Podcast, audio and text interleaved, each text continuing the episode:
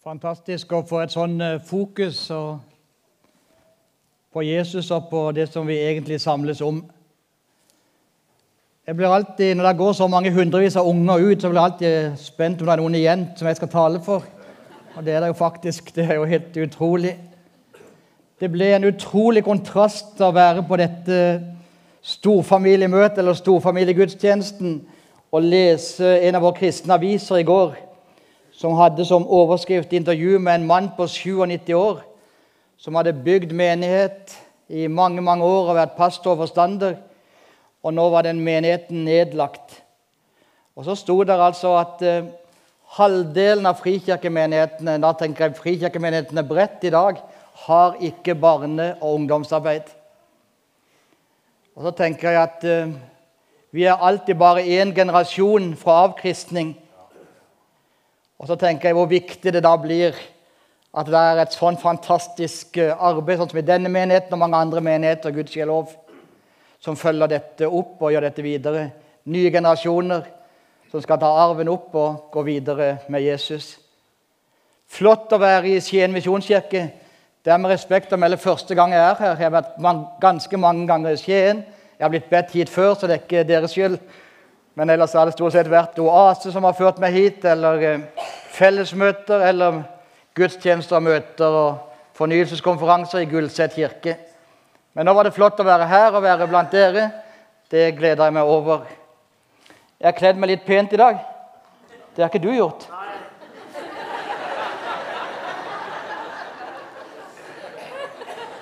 Jeg begynner jo som dere ser etter, jeg begynner som dere ser etter hvert å bli en gammel mann. Og Vi var sammen med noen eh, gode venner på min alder i går kveld og spiste kveldsmat. Og Da spurte jeg helt diskré hva bør jeg ha på meg. Og Da sier den eh, gode damen at uh, i din alder bør du ta på deg en jakke.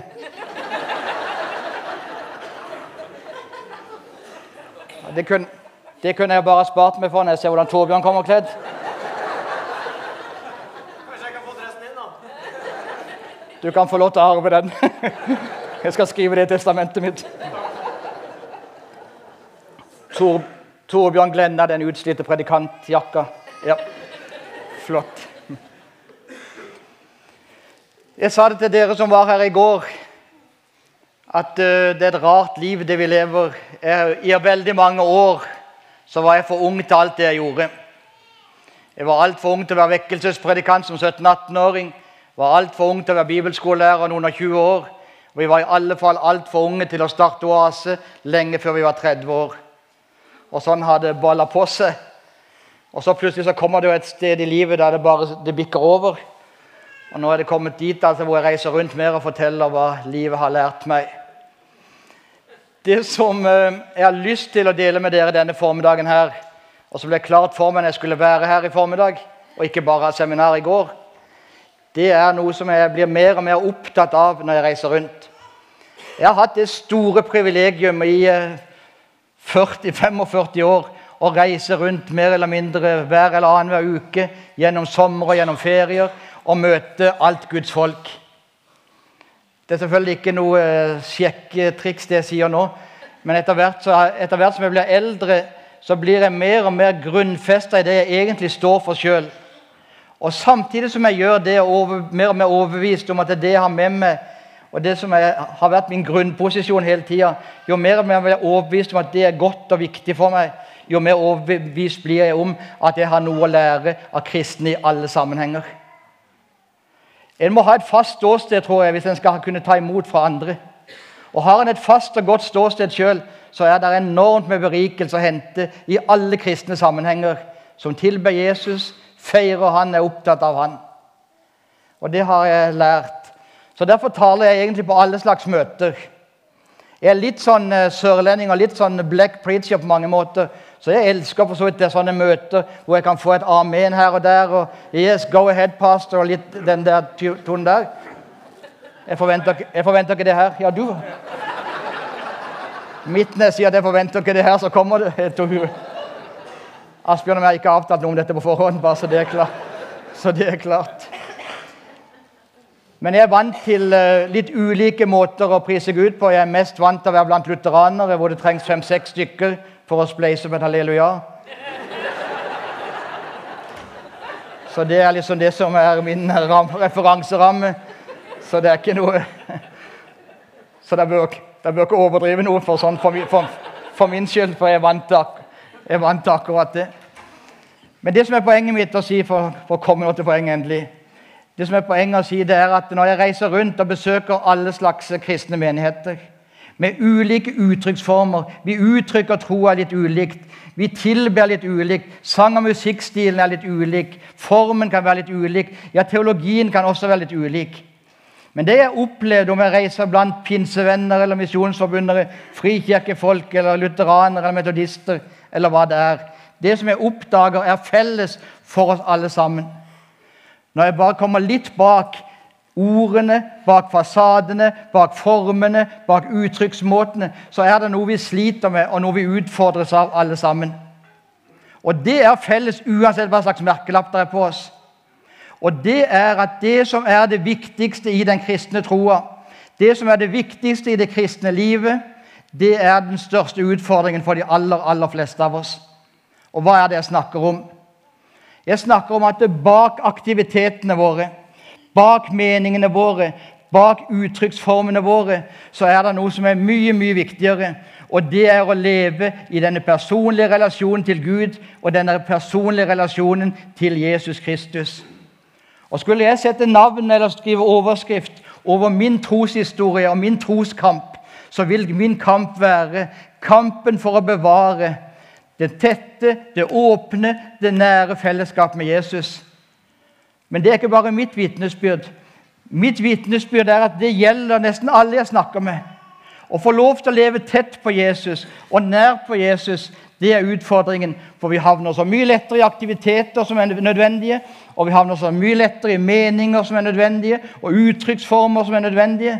Men vi kan i alt dette miste det aller viktigste, og det å leve tett og nær på Jesus.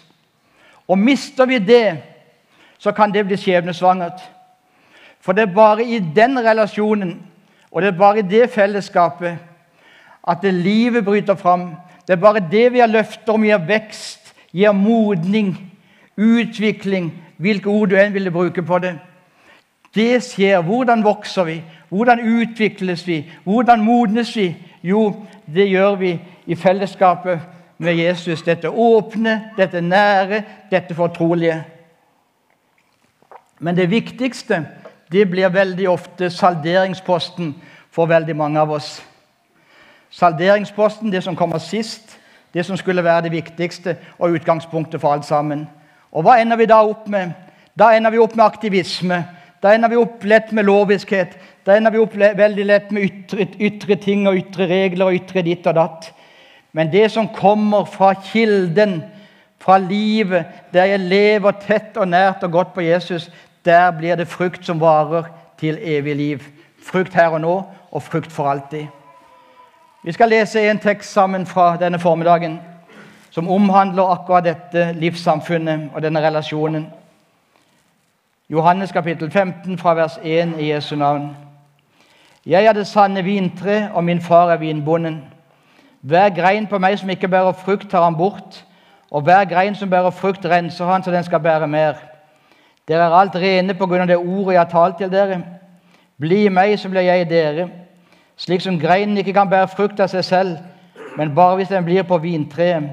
Slik kan heller ikke dere bære frukt hvis dere ikke blir i meg. Jeg er vintreet, dere er greinene. Den som blir i meg og jeg i ham, bærer mye frukt. For uten meg kan dere ingenting gjøre.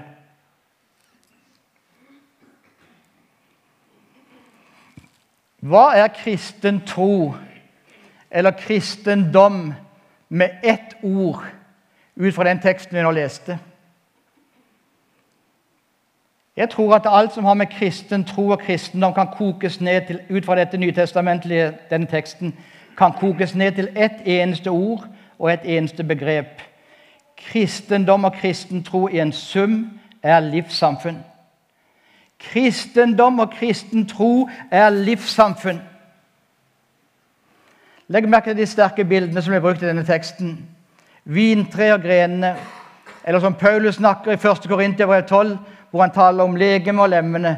Uttrykk for akkurat samme sak. dette tette, dette nære, dette levende, dette organiske. Kristen tro og kristendom er livssamfunn.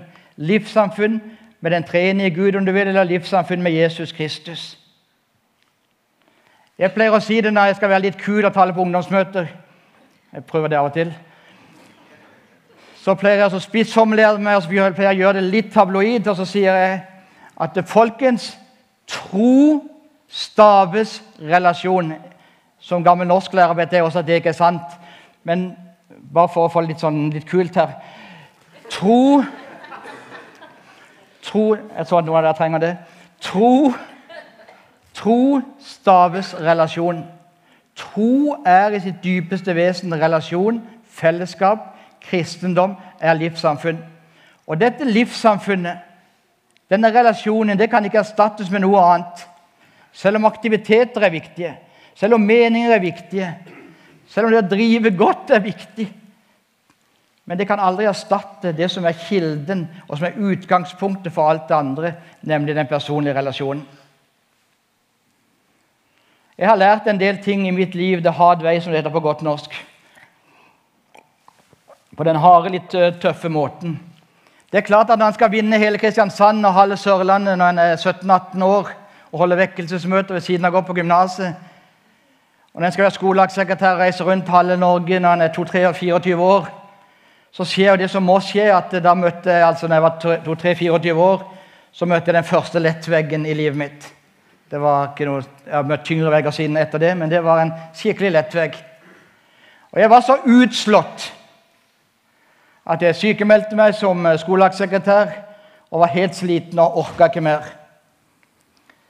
Så ringer der et uh, fantastisk presteektepar av venner av familien vår som bodde utenfor Hønefoss. Og Så ringer de til oss og så sier de, 'Jens Petter, kunne ikke du tenke deg å komme og besøke oss?'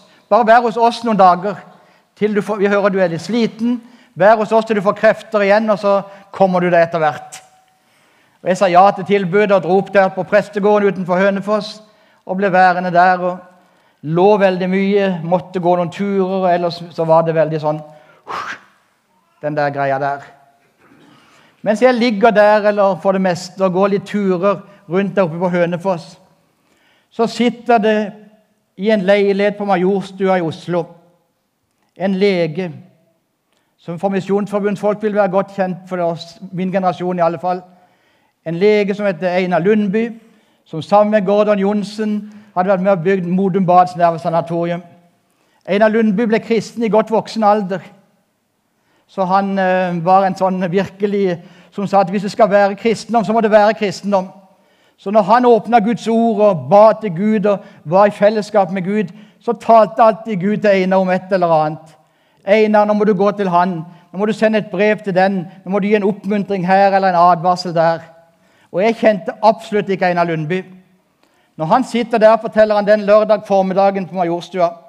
Så sier Gud til han, på Hønefoss, utenfor der og der, i den og den adressen, der er det en ung mann som er utslitt, og han er du nødt til å reise til og komme med en oppmuntring fra meg. Jeg ligger der den eh, lørdag ettermiddagen. Så banker det på døra, og jeg hører meg enda over 40 år etter si 'Kom inn'. Kom inn. Og den som kom inn, det var jo Einar Lundby. Det var jo vår tids kjendis. Det var jo han vi virkelig ønska å følge. Det var jo han vi ble så begeistra når vi så når vi leste hva han gjorde, hvordan Gud levde i hans liv. Plutselig så står han der inne på rommet mitt, og så sier han til meg 'God dag, gutten min.' Jeg så sikkert sånn ut. 'God dag, gutten min. Herren har sendt meg til deg.' 'Jeg ser at ikke du orker mye, gutten min.' Men det er bare én ting, ting jeg må få sagt deg. Og det er at Gud har sendt meg for å si det følgende til deg. At samme hva du skal gjøre i livet, samme hva retningen din er, samme hva slags tjeneste du skal inn i, så må du aldri glemme at det viktigste i livet, det er å leve i lyset. Det er å leve tett på Jesus, det er å leve i et fortrolig fellesskap med Han. For det er bare ut fra det det blir liv. Det er bare ut fra det det blir vekst. Det er bare ut fra det det blir modning. Det er bare ut fra det det blir vekkelse og fornyelse. Nå tror jeg ikke du orker mer, gutten min, sa han. Så la han hånda på hodet mitt, Og så sa han nå takker jeg deg for denne min nye venn. Jeg var vel bitt det da. Nå takker jeg deg for denne min nye venn. Og så ber jeg at han aldri noen gang i livet må glemme at samme hva han skal gjøre, og samme hva han skal oppnå, at det viktigste er at han lever tett på deg, Jesus, og lever i lyset. Så fortsatte han, Herren velsigne deg og bevare deg. Herren la sitt ansikt lyse over deg og være deg nådig. Herren løfte sitt åsyn på deg og gi deg sin fred. Amen. Og Så reiste han seg opp, og så var han liksom den der litt gamle kongelige typen. Eller, så han vinket, og så sa han 'Farvel, gutten min, farvel, gutten min', farvel, gutten min. Og så gikk han ut av døra. Og der lå jeg igjen og hulkegråt. Det var så viktig for Gud. Det var så viktig for Herren å fortelle en ung, aktivistisk predikant som skulle vinne hele verden, og som kom til å slite seg ut mange ganger hvis ikke han skjønte dette at det det handler om, utgangspunktet for alt det vi gjør, alt det vi driver på med, det er denne nære, fortrolige, tette fellesskap med Jesus. Og så tenkte jeg det er greit om han hadde gjort det for meg, men så skjønte jeg jo at det var en større sammenheng her. For det, det skulle vise at resten av mitt liv så skulle jeg møte misjonsforbundere og frikirkefolk og metodister og pinsevenner og hva det måtte være som alle slet med det samme, og som alle prøvde å erstatte det personlige, tette fellesskapet med Jesus med alle andre ting. Folkens kristendom, kristenliv, er i sitt dypeste vesen livssamfunn. Tro staves relasjon. Og hvis kristendom og tro er livssamfunn, så er det med dette livet som det er med alt annet liv. At det må vokse og utvikle seg om det ikke skal stagnere og dø. Og Det er det andre som jeg har tenkt å legge der på hjertet denne søndag formiddagen. som Gud har mynt meg om. Og Det er å si til meg og si til dere Folkens, Gud venter vekst i vårt kristne liv. Gud venter utvikling og Gud venter modning i vår kristne liv. Han ønsker at vi skal komme videre, ikke bli stående på stedet hvil. Gud ønsker vekst og utvikling og modning i våre menigheter.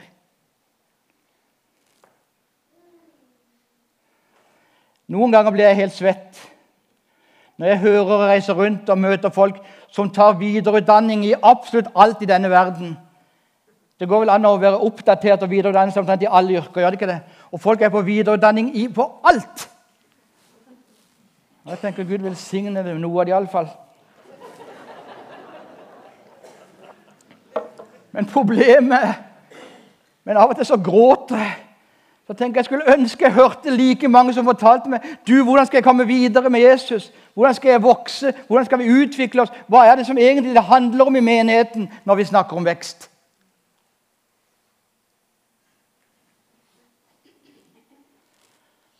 Og Da er det viktig at vi får tak i det jeg nå sier.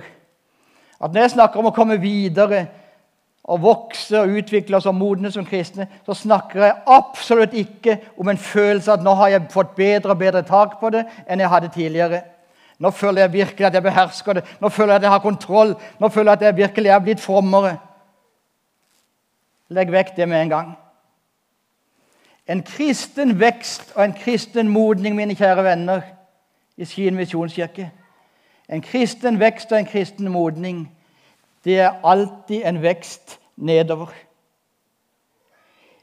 Å vokse som kristen, og det blir min definisjon Å vokse som kristen og vokse som menighet, det handler om å bli mer og mer avhengig av Jesus på flere og flere områder i livet mitt. Mer avhengig av hans tilgivelse og forlatelse enn jeg var tidligere. Mer avhengig av hans ubetinga kjærlighet enn jeg var tidligere. Mer avhengig av hans kraft enn jeg var tidligere. Mer avhengig av hans nærvær, av hans sjøl, enn jeg var tidligere. For meg vil veksten, og for menigheten vil veksten oppleves som avhengighet og hjelpeløshet. Men der er igjen ved et av troens mange, mange, mange paradokser. Og jeg skulle ønske vi kunne slippe paradoksene løs. Og Dette paradokset handler om følgende at det der at kristen vekst kan sies med ett eneste ord Johannes 3,30. Han skal vokse, og jeg skal minke, og jeg skal avta. Kristen vekst og kristen modning handler om Johannes 3,30. Han skal vokse, og jeg skal avta. Og da vil dere se I den grad jeg opplever hjelpeløshet og avhengighet, så vil folkene rundt meg oppleve Jesus ut fra livet mitt. De vil oppleve mer glede, de vil oppleve mer fred, de vil oppleve mer langmodighet. De vil oppleve mye mer av Jesu egenskap og Jesu karakter ut fra mitt liv. Det er jo det som er paradokset. Jeg vil oppleve det som hjelpeløshet og avhengighet, og de vil oppleve det mer av Jesus ut fra livet mitt, og bedre lukt av Jesus for å snakke om lukt her, bedre lukt av Jesus i menigheten. Jeg talte på fellesmøter et sted i Norge som det heter, men ikke vil si hvor det er. Og I denne stasjonsbyen hvor jeg talte på disse fellesmøtene, der bodde jeg hos, hjemme hos menighetsformannen, menighetsrådsformannen i Den store norske. Det var fint. Allerede første kvelden når jeg hadde hatt første møte, så kommer begynner han, og Vi hadde, hadde tatt en liten bit av den første brødskiva og nyppa til teen. Så begynner fyren, og så sier han, 'Du, det er så dårlig med meg, Jørgensen.' Og Da var jeg sånn modum-greie, for da hadde jeg drevet såpass mye med terapi en periode. Så jeg tenkte å ja, nå skal jeg bo hos en av disse her folkene igjen, sånn som har lav selvfølelse, og som bare alt er dårlig, og det er ingenting som er i orden. Alternativt du er en sånn lutheran Nei, unnskyld. Et eller annet sånn. Jeg tok mot til meg og så sa jeg, skal jo bo hos deg, broder, hele uka, så vi kan vel komme tilbake til dette her, for jeg var sulten og hadde tenkt å spise ferdig først. Og så sier han Ja, ja, ja, greit. Dagen etter gikk jeg ut i byen, på den, ut i den stasjonsbyen. Byen var såpass liten, og bildet av meg i lokalavisen var såpass stort at folk kjente meg igjen. Så de sa til meg 'Det er du som taler på fellesmøtene.' 'Ja, jeg taler på fellesmøtene.' Ja, 'Hvem er du bor hos?' Og så sa jeg navnet på broderen familien jeg bodde hos. 'Bodde hos han!' Han har da virkelig skjedd noe med det siste. Han var den tørreste av alle tørre. Nå er, det, nå er han i brann for Jesus når han snakker.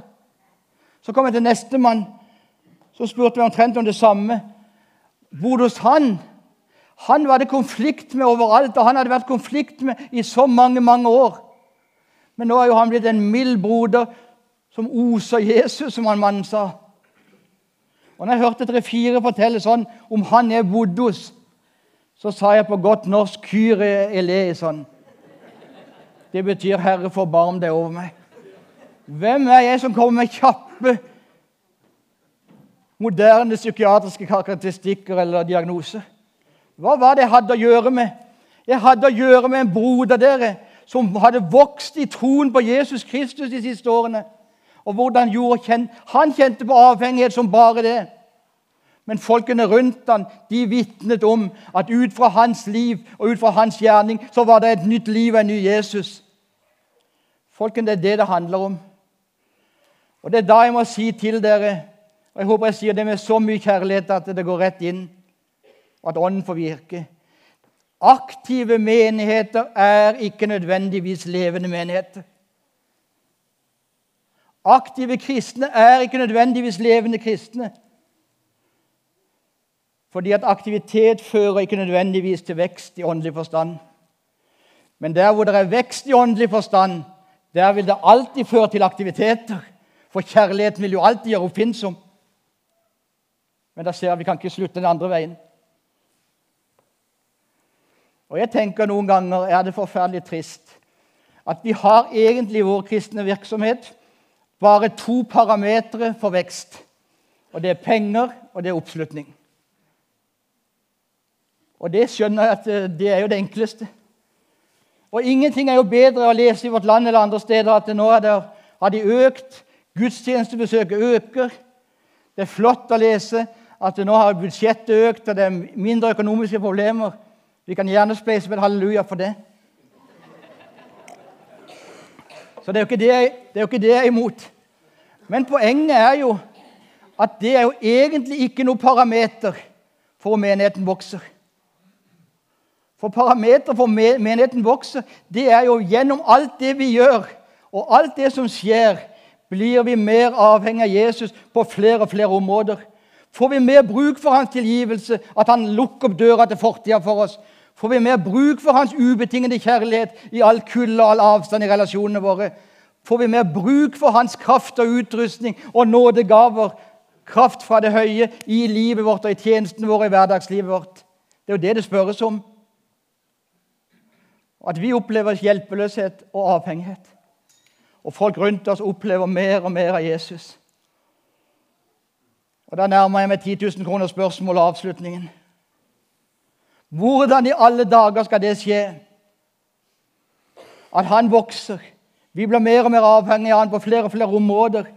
Menigheten blir mer og mer avhengig. Menigheten blir midt i all vellykkethet og alt det som fungerer, desperat avhengig av at han griper inn på punkt etter punkt etter punkt. For det er det som skaper vekst og frukt som varer.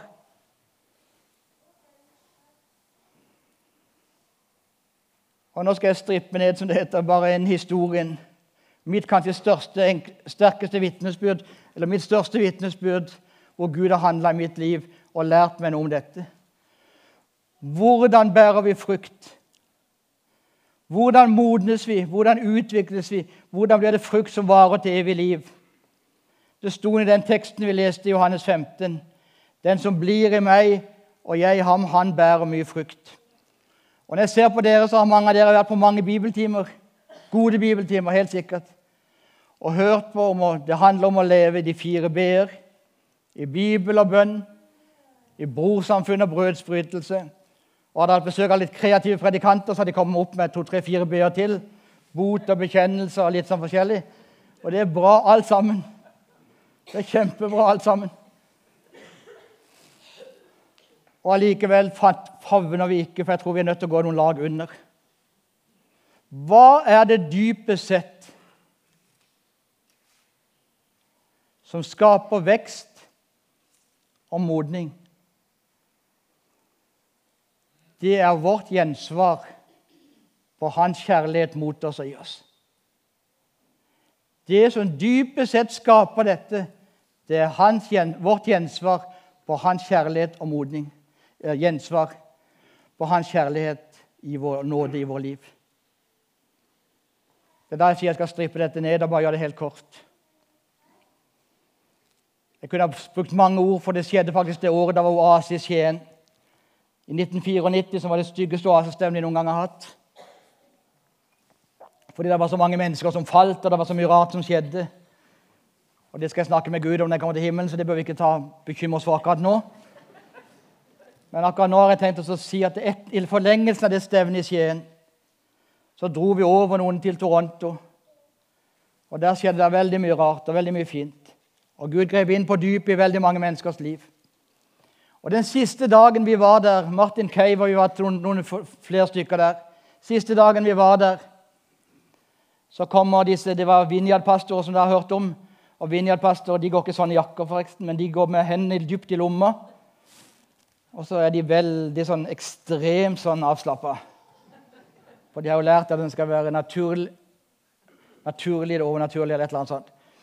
Men nok om det, de gikk rundt sånn med, med hendene dypt i lomma.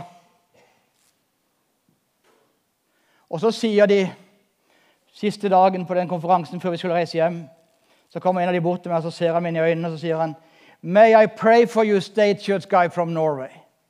Kan jeg be for deg, statskirkefyr? Hva det da? Kan jeg be for deg, statskirkefyr fra Norge? Og jeg sier, Sure, go ahead. Selvfølgelig. Du må gjerne be for meg. Og han eh, gjorde ikke noe mer enn å løfte den ene hånda forsiktig opp. Og han har omtrent samme avstand som jeg til deg nå. Og så sa han, Bless this state church guy from Norway. Amen. Det er sånn som ytre sett til min salvelse, selvfølgelig jeg har hørt på lenge. Men jeg falt under Guds veldige kraft. Riktignok den gale veien etter boka, men det spiller ikke så mye rolle. Med hodet først. Og jeg lå der, og de som lå, var rundt meg, sa du var ikke noe vakkert syn i tre kvarter, Jens Petter. Og det tror jeg så gjerne. For jeg hulkegråt fra magen og opp. Vi sørlendinger, vi sørlendinger er ikke så vanskelig. ikke sant? Vi kan lett gråte herfra opp. Det går fort. Men når du gråter herfra Og jeg hulkegråter hele livet mitt passerte revy. Jeg så det jeg, hadde, det jeg skulle ha gjort og ikke gjorde. Jeg så alt det gale jeg hadde gjort. Jeg så det som var mest pyton av alt. Det var hvordan jeg hadde brukt mitt eget liv og min egen tjeneste for på Guds bekostning for å bli stor sjøl. Det er pyton, folkens. Og når jeg hadde sett mitt liv passere revy som i en film i tre kvarter, så hadde jeg ropt, sa de fem som står rundt meg, hadde ropt 'Gå fra meg, Gud! Jeg kan ikke ha noe med deg å gjøre.' Og i det øyeblikket jeg roper 'Gå fra meg, Gud, for jeg kan ikke ha noe med deg å gjøre', så står Jesus foran meg.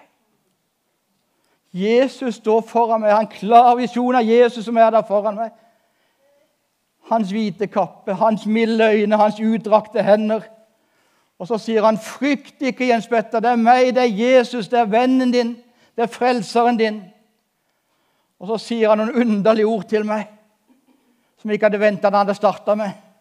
Først av alt vil jeg takke deg for det du har gjort i mitt rike. Det var liksom ikke det som jeg hadde venta akkurat da. Først vil jeg takke deg for alt det du har gjort i mitt rike. Men så kommer det, hvis du klarer å få med deg det, og Guds ånd kan få gjøre det i ditt hjerte i formiddag, så har denne formiddagen ikke vært forgjeves. Så sier Gud til meg, Jesus til meg Om du ikke hadde bedt en bønn, om du ikke hadde lest et ord i min bok Det betyr ikke at ikke vi skal gjøre det. Men om du ikke hadde lest et ord i min bok, om du ikke hadde hatt en nådegave i funksjon, om du ikke hadde vunnet et menneske for meg, så elsker jeg deg for min egen skyld.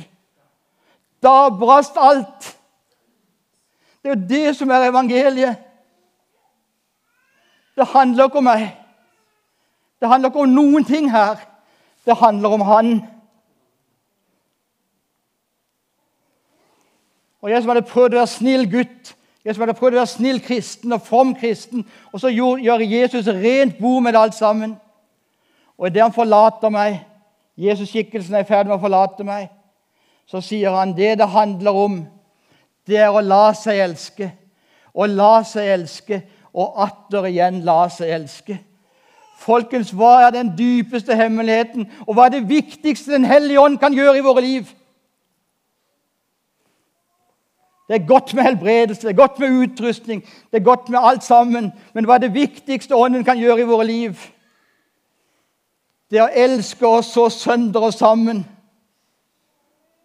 At hvor godt at meg som har så lett for å heller vil gi, og så vanskelig for å ta imot, at jeg kan la meg elske så dypt og så mye. At jeg som har en dårlig sanger Jeg sang ut så det runger på den gressplenen i Toronto den formiddagen der. Jeg elsker deg, Jesus, jeg vet du er min. Og hvordan kunne jeg synge? Jeg vet ikke om det var falskt, eller hva det var, men det var av et rent hjerte. Jeg elsker deg, Jesus, jeg vet du er min. Hvordan kunne jeg synge det? Fordi det var en som hadde elska først. Halleluja. Halleluja. Hva handler det om for noe, folkens? Det handler dypest sett om å la seg elske. Det handler ikke om nye aktiviteter, nye prosjekter. Alt det er greit. Men de må komme fra et annet sted. De må komme fra det gjensvar at de har latt meg elske sønder og sammen. Og jeg tenker at Noe du kan bli bedt for denne formiddagen her, så er det Herre, jeg vil la meg elske, jeg vil la meg elske, jeg vil la meg elske. Så hele mitt liv, og ikke bare mine ord, kan bli et gjensvar. Jeg elsker deg, Jesus, jeg vet du er min. Så vet jeg at jeg er ferdig med å tida er gått fra meg. Men jeg bare må si to-tre setninger til. Hvis ikke så blir dette ubalansert. Når jeg sier så sterkt som jeg gjør Folkens, Jesus inviterer oss inn til et tett fellesskap med seg. Til å leve tett i livssamfunnet han, med han så er det sikkert man, ganske mange mannfolk her nede som syns dette er svett nok allerede. Leve tett på Jesus og det der Jesus fanger alle de greiene der igjen. nå. Eller kvinner, for den saks skyld. Jesus lengter etter å leve tett på hver eneste en av oss som er her. Men å leve tett på Jesus vil være forskjellig for de forskjellige av oss som sitter her. Og det er viktig jeg sier til slutt nå. Å leve tett på Jesus vil være forskjellig for de forskjellige som sitter her. Og Jeg kunne tenke meg å be om unnskyldning på vegne av mange av oss predikanter gjennom årene. Og ikke minst vi såkalte sterke predikanter som har gitt noen føringer på hva det vil si å leve sterkt med Jesus, og så tror du at du må gjøre det på samme måte som meg. Og så prøver du å gjøre det, og så havner du i loviskhet og galskap og ytre aktivisme. Du skal leve sterkt med Jesus på den måten som Gud selv har skapt deg på. Vi er skapt unikt, pleier vi å si til hverandre, og så smiler vi. Hvis vi mener det, og det er sant at vi er skapt unikt, så er det en måte å leve tett og godt med Gud på som samsvarer med den måten som Gud har skapt meg på.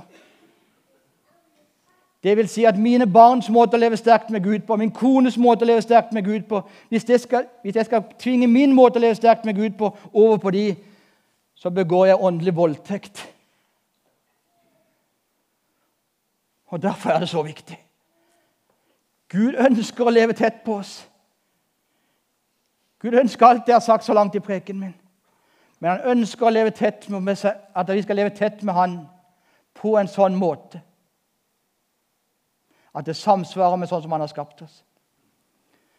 Det var en amerikansk teolog, Gary Thomas, som åpna dette perspektivet for meg. Og Gary Thomas sier det finnes bare én vei til Gud, og det kommer kampen til å stå med det siste. Det finnes bare én vei til Gud, og han heter Jesus.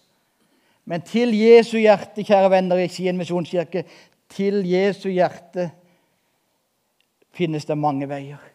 Én vei til Gud, og han heter Jesus. Men til Jesu hjerte finnes det mange veier. Så må du finne din vei til Jesu hjerte. For noen kan det være fellesskapets vei.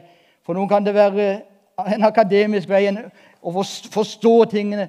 For noen kan det være naturens vei, for noen kan det være en tilbedelsens vei. Det er ulike veier til Jesu hjerte. Hovedsaken er at vi er der, så han kan få elske oss sønder og sammen. Og for han elsket oss som er sønder og sammen, så vil det merkes. Da lukter det Jesus av oss. La oss be.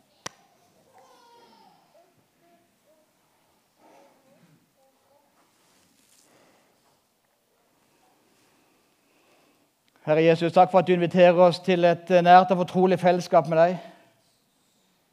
Vi ber deg om tilgivelse fordi vi så mange ganger har valgt andre det vi trodde var snarveier, eller hva det måtte være for noe. Vi vil ikke slutte med aktiviteter, vi vil ikke slutte å mene, men vi vil slutte at det skal være erstatning for det viktigste av alt. At vi henter og lever i kilden som bærer frukt, og som skaper frukt og liv. Og så ber jeg for alle oss som er aktivister, og for alle som er så ivrige, og, er, og det er nødvendig og godt. Men jeg ber at det må bli noe dypere, Herre. Jeg ber deg for oss når du inviterer oss. Og så takker og priser jeg deg for at vi skal få lov til å leve tett sammen med deg på den måten som du har skapt den enkelte av oss.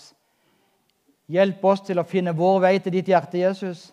Og hjelp oss å hjelpe de andre, så de kan finne en vei til Jesu hjerte som er deres, og som kan sette oss alle fri. Amen. Når vi nå skal synge